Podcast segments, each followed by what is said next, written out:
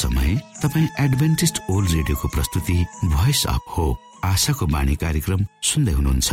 कार्यक्रम प्रस्तुता म रवि यो समय तपाईँको साथमा छु। आशाका सन्देश सहित प्रेम र विश्वासको सन्देश सहित आशाको बाणी कार्यक्रम रेडियोको तरङ्ग मार्फत तपाईँको सामु आइपुगेको छ। आजको कार्यक्रमले तपाईँको जीवनमा नयाँ सन्देश पुर्याउन सकेकै होस्। हाम्रो शुभेच्छा तपाईँको निम्ति यही रहनेछ।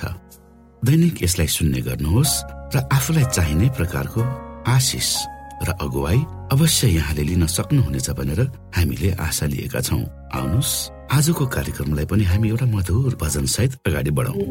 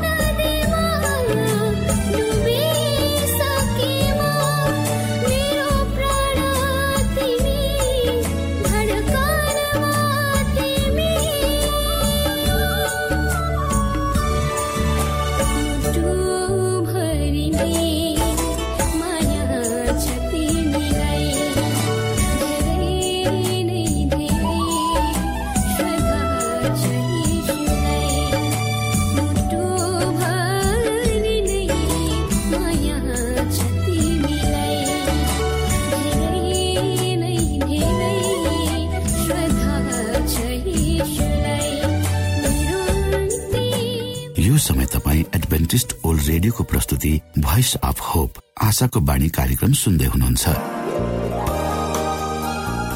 तपाईँ आशाको बाणी कार्यक्रम सुन्दै हुनुहुन्छ।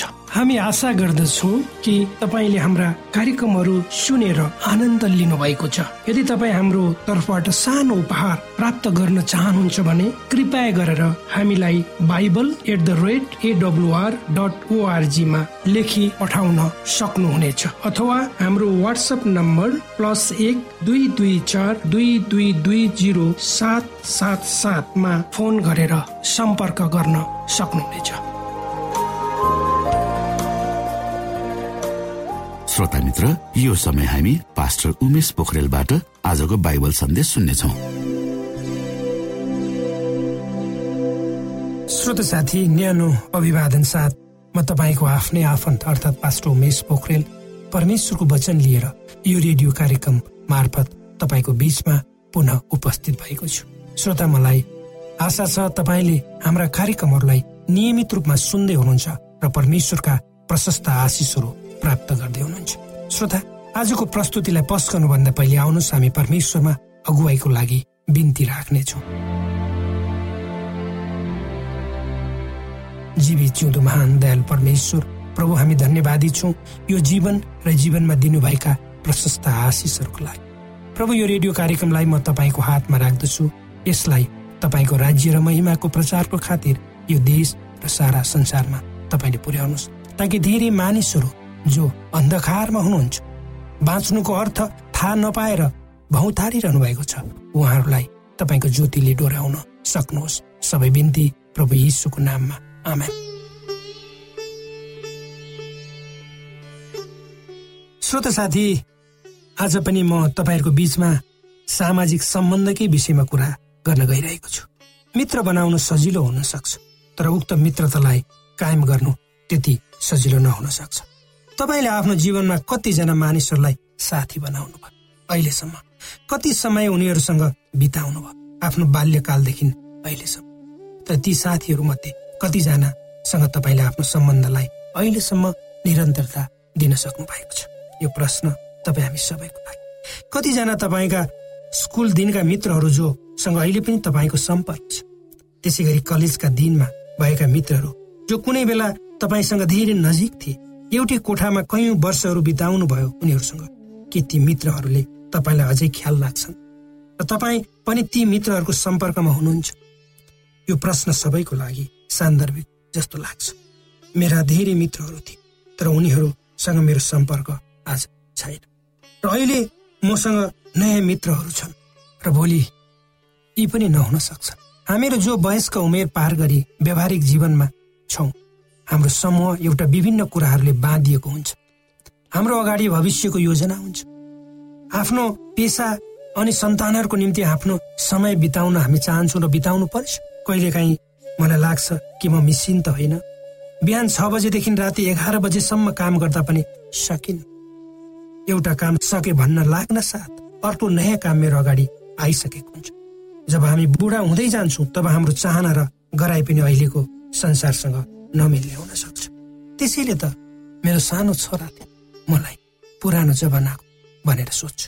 जब हामी आफ्नो एकअर्काको सम्बन्धबाट आनन्द खुसी र सन्तुष्टि प्राप्त गर्न खोज्छौँ तर ती कुराहरू समय र परिस्थितिको अभावमा पुरा नहुँदा हामी खिन्न मान्छौँ र हाम्रो अरूसँगको सम्बन्धलाई डह्रो बनाएर राख्न हामी सक्दैनौँ। यदि तपाईँ कसैसँग राम्रो सम्बन्धलाई घनिष्ठता साथ अगाडि बढाउन चाहनुहुन्छ तपाईँले उक्त व्यक्तिसँग समय बिताउनुपर्छ। उसँग वार्तालाप गर्नुपर्छ। त्यसको निम्ति समय चाहिन्छ। चाहे त्यो तपाईँको आफ्नै श्रीमान र श्रीमतीसँगको सम्बन्ध किन नहोस् चाहे छोरा छोरी बीच तपाईँको सम्बन्ध किन नहोस् चाहे अरू बीचको तपाईँको सम्बन्ध किन नहोस् जब तपाईँले कसैसँग आफ्नो सम्बन्ध स्थापना गर्न र उक्त सम्बन्धलाई जीवित राख्नको निम्ति समय स्रोत र साधन खर्च गर्नुहुन्छ। त्यसले एक दिन जब तपाईँ अप्ठ्यारोमा पर्नुहुन्छ वा अप्ठ्यारो परिस्थितिमा भएर गुज्रिनु भएको हुन्छ। त्यति बेला त्यो सम्बन्धले तपाईँलाई शक्ति दिन्छ सहयोग गर्छ। आजको युगमा बाँचेका तपाईँ हामी सबैलाई समयको अभाव छ। हामीले थोरै समयमा धेरै काम गर्नुपर्ने हुन्छ। प्रतिस्पर्धात्मक युगमा हामी छौँ। त्यसकारण समय अनुसार आफूलाई परिवर्तित गरेर चलाउनु पर्ने हुन्छ। यी सबै कुराहरूको निम्ति हामीले आफूलाई सन्तुलित रूपमा चलाउनु। आजको विज्ञान र प्रविधिको युगमा हामी बाँचेका छौँ। विभिन्न किसिमका टेक्नोलोजीहरू दिन प्रतिदिन थपाइँदैछन्। यिनीहरूलाई राम्रो र सकारात्मक रूपले लिनुपर्छ। तर जब यिनीहरूको प्रयोगको कुरा आउँछ त्यति बेला बुद्धिमानी अपनाउनु राम्रो हुन्छ। आफ्ना साथीभाइसँगको सम्बन्ध र सम्बन्धलाई पहिलो प्राथमिकता दिनुपर्छ। र सामाजिक सञ्जालहरूलाई आफ्ना मित्रहरू घर परिवारहरूसँगको स्वस्थ सम्बन्धलाई निरन्तरता दिनको निम्ति मात्रै प्रयोग गर्नुपर्छ। त्यसलाई गलत रूपमा हामीले प्रयोग गर्नु हुँदैन। त्यसकारण अहिले भएका सामाजिक सञ्जालहरू मार्फत आफ्ना विचारहरूलाई जबरजस्ती लाद्ने प्रयास गर्नु मूर्खता हुन सक्छ। किनकि तपाईँले भन्न खोज्नु भएको कुरा एउटा हुन सक्छ। तर मानिसहरूले अर्कै किसिमले बुझेर तपाईँमाथि नै आरोप र प्रत्यारोप लाग्न सक्छ। त्यसकारण यी सामाजिक सञ्जालहरूलाई विवादास्पद कुरा गर्ने ठाउँ नबनाउँदा राम्रो हुन्छ। यदि तपाईँका नानीहरू छन् भने उनीहरूका साथीहरू पनि हुनुपर्छ। जब तपाईँ ती तपाईँका नानीहरूका साथीहरू र उनीहरूका आमा बाबुहरूसँग कुराकानी र व्यवहार गर्नुहुन्छ त्यति बेला तपाईँले स्पष्ट र इमान्दारीपूर्वक आफूलाई प्रस्तुत गर्नुपर्छ। किनकि तपाईँका नानीहरू तपाईँका नानीहरूका साथीहरूले तपाईँलाई हेरिरहेका हुन्छन्। कहिलेकाहीँ तपाईँका नानीहरू उनीहरूको साथीहरू भाइसँग झगडा गर्लान्। त्यति बेला एक पक्षको मात्र कुरा सुनेर निर्णय नलिनुहोस्। दुवै पक्षको कुरा सुनि वातावरणलाई नियन्त्रणमा लिनु बुद्धिमानी हुन्छ। कतिपय अवस्थामा केटाकेटीहरू झगडा गर्दा उनीहरूका आमा बाबुहरू पनि आफ्ना नानीहरूको पक्षमा लागि झगडा गरेको हामीले देखेका छौँ। मैले भोगेको छु। जब म सानो थिएँ मेरो झगडा एउटा मेरो काकासँग भयो अनि मेरो आमा र मेरो हजुरआमा चाहिँ झगडा गर्नु भएको छ। आमा बाबुहरू आफ्नो नानीहरूको पक्षमा लागि झगडा गरेको हामीले देखेका छौँ। वा आफैले पनि हामीले गरेका हुन सक्छौँ। किनकि हाम्रा नानीहरूले हरूले जति गल्ती गरे पनि हामी आमा बाबुले नगरेको देख्छौँ। किनकि उनीहरूलाई हामी अति नै माया गर्दछौँ। त्यसकारण दुई पक्ष वा परिवारलाई मान्य हुने उपाय हामीले खोज्नुपर्छ। अर्थात् हामीले गर्ने प्रत्येक निर्णयलाई हाम्रा सन्तानहरूले हेरिरहेका हुन्छन्। त्यसकारण ती निर्णयहरू सन्तुलित र स्वस्थ हुनु जरुरी छ। किनकि त्यसले तपाईँ हाम्रा सन्तानहरूको भविष्यमा प्रभाव पार्न सक्छ। जब हामी आफ्नो काम गर्ने कार्यालय वा स्थानमा जहाँ हुन्छौँ त्यहाँ हामीसँग हामी सबैसँग मिलेर बस्न सकेका नहुन सक्छौँ वा सबैसँग हामी मिल्न सक्दैनौँ। र हामीलाई सबै मान्छे मन पर्छन् भन्ने पनि छैन र सबै मानिसलाई म मन पर्छु भन्ने पनि नहुन सक्छ। तर सकेसम्म मित्रवत इमान्दार र सचेत रहनु बुद्धिमानी हुन्छ। कुनै पनि व्यक्तिको विषयमा कुरा काट्ने र नराम्रो समाचार फैलाउनु हुँदैन। र यद्यपि हाम्रो समाज यस्ता कुरामा एक पाइला अगाडि छ। हाम्रो स्वभावै अर्काको बदनाम गराउने छ। त्यसका एउटा सानो कुरा भेट्टायो भने हामी त्यसलाई पहाड बनाएर प्रस्तुत गर्न आतुर हुन्छौँ। आफ्नो कार्यक्षेत्रमा काम गर्दा एक अर्कालाई क्षमा दिने र आफूले पनि क्षमा पाउने किसिमको वातावरण हामीले सृजना गर्नुपर्छ।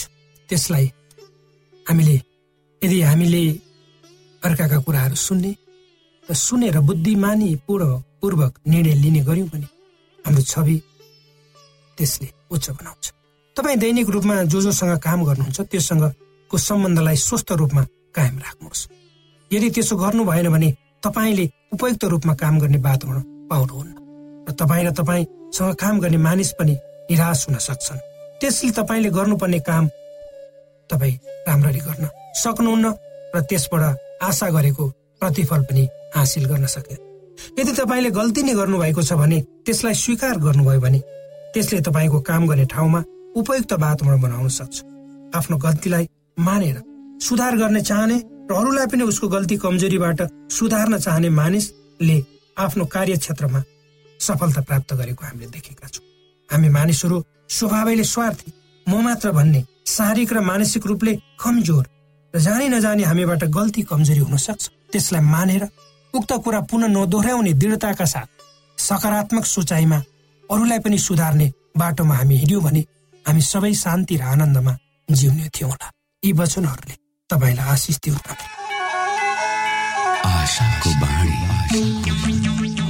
श्रोता भर्खरै यहाँले पास्टर उमेश पोखरेलबाट बाइबल वचन सुन्नुभयो। यो समय तपाईँ एडभेन्टिस्ट ओल्ड रेडियोको प्रस्तुति भोइस अफ होप आशाको बाणी कार्यक्रम सुन्दै हुनुहुन्छ। कार्यक्रम सुनेर बस्नुहुने सबै श्रोतालाई हामी हाम्रो कार्यक्रममा स्वागत गर्न चाहन्छौ। श्रोता मित्र यदि तपाईँ जीवनदेखि हरेस खानु भएको छ तपाईँका जीवनमा धेरै अनुत्तरित प्रश्नहरू छन् भने आउनुहोस् हामी तपाईँलाई परमेश्वरको ज्योतिमा डोहोऱ्याउन चाहन्छु र तपाईँ आफ्नो जीवनका चिन्ता फिक्रीबाट निश्चिन्त हुनुहोस् र बाँच्नुको आनन्द परमेश्वरको सामिप्यमा कति मिठो हुन्छ त्यो चाख्नुहोस् भनी हामी चाहन्छौँ। श्रोता यदि तपाईँ आशाको बाणी कार्यक्रमलाई अनलाइन सुन्न चाहनुहुन्छ वा डाउनलोड गर्न चाहनुहुन्छ भने डब्लु डट एडब्लुआर डट ओआरजीमा जानुहोस्। त्यहाँ तपाईँले प्रत्येक दिनको कार्यक्रम सुन्न र डाउनलोड गर्न सक्नुहुनेछ। हाम्रो वेब पेज यस प्रकार छ W dot AWR dot ORG श्रोता यदि तपाईँ हामीसित सिधै फोनमा सम्पर्क गर्न चाहनुहुन्छ भने हाम्रा नम्बरहरू यस प्रकार छन्। अन्ठानब्बे एकसाठी पचपन्न शून्य एक सय बिस. अन्ठानब्बे एकसाठी पचपन्न शून्य एक सय बिस. र अर्को अन्ठानब्बे अठार त्रिपन्न पन्चानब्बे पचपन्न. अन्ठानब्बे अठार त्रिपन्न पन्चानब्बे पचपन्न।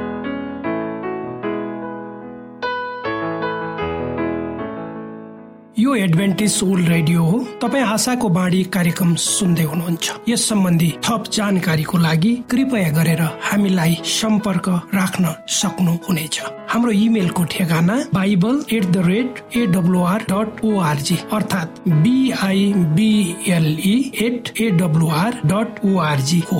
तपाईँ हामीलाई हाम्रो वाट्सएप नम्बर प्लस एक दुई दुई चार दुई दुई दुई जिरो सात सात सातमा पनि कल गरेर सम्पर्क राख्न सक्नुहुनेछ। अर्थात् प्लस एक दुई दुई चार दुई दुई दुई जिरो सात सात सात। यो आशाको बाणी रेडियो कार्यक्रम हो। म धनलाल राई यहाँहरूलाई यस कार्यक्रममा न्यानो स्वागत गर्दछु। श्रोता आज म तपाईँको बिचमा बाइबल सन्देश लिएर आएको छु। आजको बाइबल सन्देशको शीर्षक रहेको छ अनुग्रहको कथा। श्रोत साथी तीन स्वर्गदूतहरूको सन्देश यथार्थमा अनुग्रहको कथा हो। मुक्तिदाताको अपार प्रेम ती सन्देशहरूमा बुनिएको छ। यसुको त्यो यस्तो प्रेमको कथा हो कि हामीले अनन्त जीवन नगुमाउ भनेर उहाँ आफूले नर्कको अनुभव गर्नुभएको थियो। ती अनुग्रहको कथा सीमित मानिसको दिमागमै चढ्न नसक्ने बुझ्ने नसक्ने कहिले अन्त नहुने प्रेम हो। परमेश्वर कहिले पनि छक्क पर्नुहुन्न। उहाँलाई मानिसको छटपटी हुने वा परिवर्तन हुने निर्णयहरूले छुँदैन। हामीले हेर्यौँ कि हामीलाई पापबाट उद्धार गर्ने योजना पापको भयानक शिर उठाएपछि बनाउन बाध्य भएको होइन। पापको नराम्रो नाटकबाट उहाँ अचम्मित हुनु भएको थिएन। मुक्तिको बारेमा हामी विभिन्न पदहरू हेर्न सक्छौ बाइबलमा। हामीलाई त्यसले के सिकाउँछ? पृथ्वीमा बास गर्ने सबैले त्यस पशुको पूजा गर्नेछन्। अर्थात् तिनीहरूले जसको नाउँ संसारको सृष्टिदेखि नै मारिनुभएका थुमाको जीवनको पुस्तकमा लेखिएको छैन। र पक्ष नगरी मानिसको काम अनुसार इन्साफ गर्नुहुनेलाई पिता भनी पुकारा गर्छौ भने तिनीहरूका प्रवासको सम्पूर्ण समय डरसँग बिताओ। तिमीहरू जान्दछौ कि आफ्ना पिता पुर्खाबाट आएका व्यर्थका कुराहरूदेखि सुन वा चाँदी जस्ता नाश हुने थोकहरूद्वारा दाम तिरी तिमीहरू छुट्याएका होइनौ। तर निष्कोट र निष्कलङ्क थुमाको जस्तो ख्रिसको अनमोल रगतद्वारा दाम तिरी छुट्याइएका हो। उहाँ सृष्टिभन्दा अगाडिदेखि नै नियुक्त हुनुभएको थियो। तर तिमीहरूका खातिर समयको अन्त्यमा प्रकट हुनुभयो। उहाँद्वारा परमेश्वरमाथि तिमीहरूको भरोसा छ जसले ख्रिस्टलाई मृतकबाट जीवित पारेर महिमा दिनुभयो ताकि तिनीहरूको विश्वास र आशा परमेश्वरमा रहोस्। श्रोता साथी यसै गरी हामी प्रकाशको पुस्तक चौध अध्यायको छमा उल्लेखित अनन्तको सुसमाचार भन्ने वाक्यले विगतको वर्तमान र भविष्यको बारेमा के बोल्दछ त्यो पनि बुझ्न सक्छौ। जब परमेश्वरले मानिसलाई नैतिक निर्णय गर्ने क्षमता दिएर सृष्टि गर्नुभयो तब मानिसहरूले गलत निर्णयहरू गर्नेछन् भन्ने उहाँले अपेक्षा गर्नु भएको थियो। जब मानिसहरूले आत्मनिर्णयको स्वतन्त्रता दिएको थियो तब तिनीहरूले परमेश्वरको प्रिय स्वभावको विरुद्धमा जान सक्ने क्षमता पनि दिएको थियो। यदि उहाँले ब्रह्माण्डले नियन्त्रण गर्ने यान्त्रिक मानव बनाउनु भयो भने मात्र मानिसहरूले स्वविवेकको निर्णय गर्ने क्षमता हुँदैन थियो। जबरजस्ती निष्ठाको माग गर्नु परमेश्वरको स्वभावको विरुद्धमा छ। प्रेम गर्न निर्णय चाहिन्छ। जब आत्मा निर्णयको स्वतन्त्रता दियो तब गलत निर्णय गर्ने सम्भाव्यता पनि त्यतिखेर थियो। त्यसकारण हाम्रो पहिला पुर्खाहरूले अदनको बगैँचामा विद्रोह गर्नुभन्दा अघि नै मुक्तिको योजना परमेश्वरको दिमागमा उब्जिसकेको पनि थियो। मुक्तिको योजना पछि सोचिएको थिएन न त आदमको पतन पछि बनाइएको थियो। यो त्यस रहस्यको प्रकाश थियो जुन युगौं युगदेखि गुप्त रहेको थियो। यो उघारिएको नीति थियो जुन युगौं युगदेखि वा परमेश्वरको सिंहासनको जग बसालिएको देखि नै थियो। अनन्तको सुसमाचार केवल विगत र वर्तमानमा मात्र होइन। तर भविष्यको आशाको आधार पनि हो। यसले त्यस परमेश्वरसँग सदा सर्वदा हामी रहेको चाहनुहुन्छ जो हामीसँग सधैँ रहोस् भनेर आफ्नो हृदय दुखाइरहनुहुन्छ। हामीले एफिसी एक अध्यायको चारमा भनेको कुरालाई हेर्यौँ भने उहाँको सामान्य पवित्र र निष्कलङ्क हौ भनेर संसारको उत्पत्ति भन्दा अघिबाट उहाँले हामीलाई चुन्नुभयो। तपाईँले मुक्ति पाउन् भनेर संसारको उत्पत्ति भन्दा अघि नै क्रिस्टले तपाईँलाई चुन्नु भएको थियो। त्यसको अर्थ के हो? त्यो सत्य किन हौसलाप्रद छ? त्यो कुरामा हामी विचार गर्न सक्दछौ कि श्रोता हामीलाई परमेश्वरले असल र खराब छुट्याउने चेतना पनि प्रदान गर्नुभयो। उहाँले मानिसलाई सृष्टि गर्नुभन्दा अघि नै थाहा थियो कि मानिसलाई निर्णय गर्ने छुट्याउन सक्ने शक्ति उहाँले प्रदान गर्नुभएको थियो ताकि मानिसहरूले खराब पनि रोज्न सक्छन् भन्ने सो विवेकको निर्णय पनि उहाँले दिनुभएको थियो। र उहाँले हामीलाई उहाँको सामान्यमा निष्कलङ्क भएर आउन् भन्ने उहाँको अचुक इच्छा रहेको हामी पाउन सक्छौ बाइबलमा। हामीले सही निर्णय गरोस् भन्ने उहाँको चाहना छ। तर श्रोता हामी कहिले काहीँ परमेश्वरको योजनालाई भुलेर सांसारिक कुराहरूमा मन लगाउन पुग्छौ। पापिष्ट कुराहरूमा हाम्रो हृदयहरू जान सक्छन्। त्यसै कारणले श्रोता हामीले बाइबल आधारित भएर तीन स्वर्गदूतको सन्देशको ज्ञानमा हाम्रो जीवनलाई हामीले अगाडि बढाउनु पर्दछ। त्यसो भयो भने हामी परमेश्वरको महिमा परमेश्वरको योजनामा हामी रहन सक्छौ। हामीलाई ख्रिसको अनमोल रगतले दाम तिरेर छुट्याइएका मानिसहरू हामी हौ। हामीले परमेश्वरमा पूर्ण रूपमा भरोसा राख्नु पर्दछ जो कि मृतकहरूबाट जीवित हुनुभयो। त्यो कुरामा हामी विश्वास गर्नु पर्दछ र हाम्रो विश्वास आशा परमेश्वरमा रहनु पर्दछ र हामीलाई यी कुरा जानकारी हुनुपर्दछ कि हामीले उहाँले कुनै पनि पक्षपात नगरिकन हामीले गर्ने काम अनुसार हामीलाई उहाँले सम्पूर्ण व्यवस्था मिलाउनु भएको छ। यो कुराहरूमा हामी मन लगाउनु पर्दछ।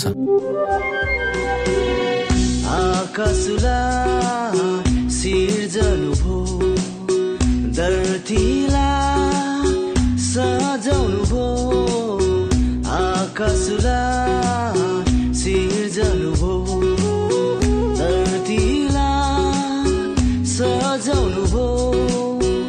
अन्धकारमा परेकोलाई ज्योतिमा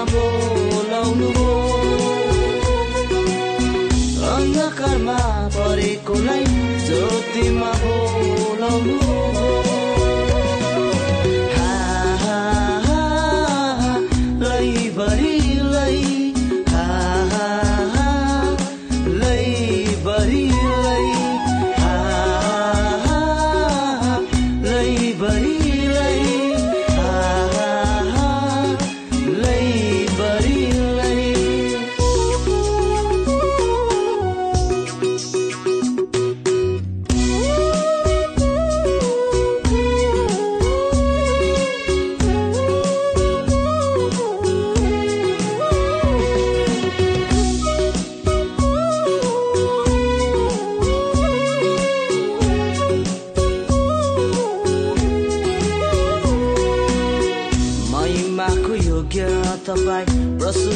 प्रशंसाको योग्य तपाईँ मेरो बलियो छटा जीवनको सहारा। महिमाको योग्य तपाईँ प्रशंसाको योग्य। तपाईँ मेरो बलियो छटा जीवनको सहारा। मृत्युला जित्नु भो स्वर्गको ढोका खुल्नु भो मृत्युला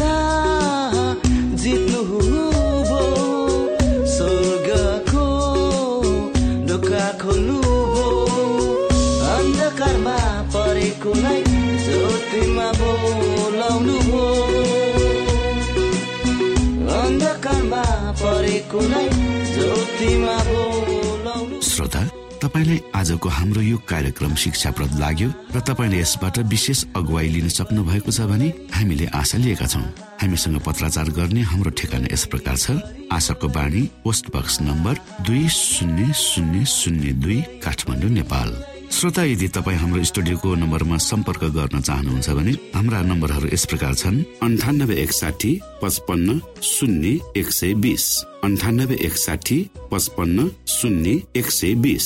र अर्को अन्ठानब्बे अठार त्रिपन्न पन्चानब्बे पचपन्न। अन्ठानब्बे अठार त्रिपन्न पन्चानब्बे पचपन्न। हवस् त श्रोता भोलि फेरि यही स्टेशन र यही समयमा यहाँसँग भेट्ने आशा राख्दै प्राविधिक साथी राजेश आडा पास्टर उमेश पोखरेल र कार्यक्रम प्रस्तुता म रवि। यहाँसँग विदा माग्दछौ। नमस्कार।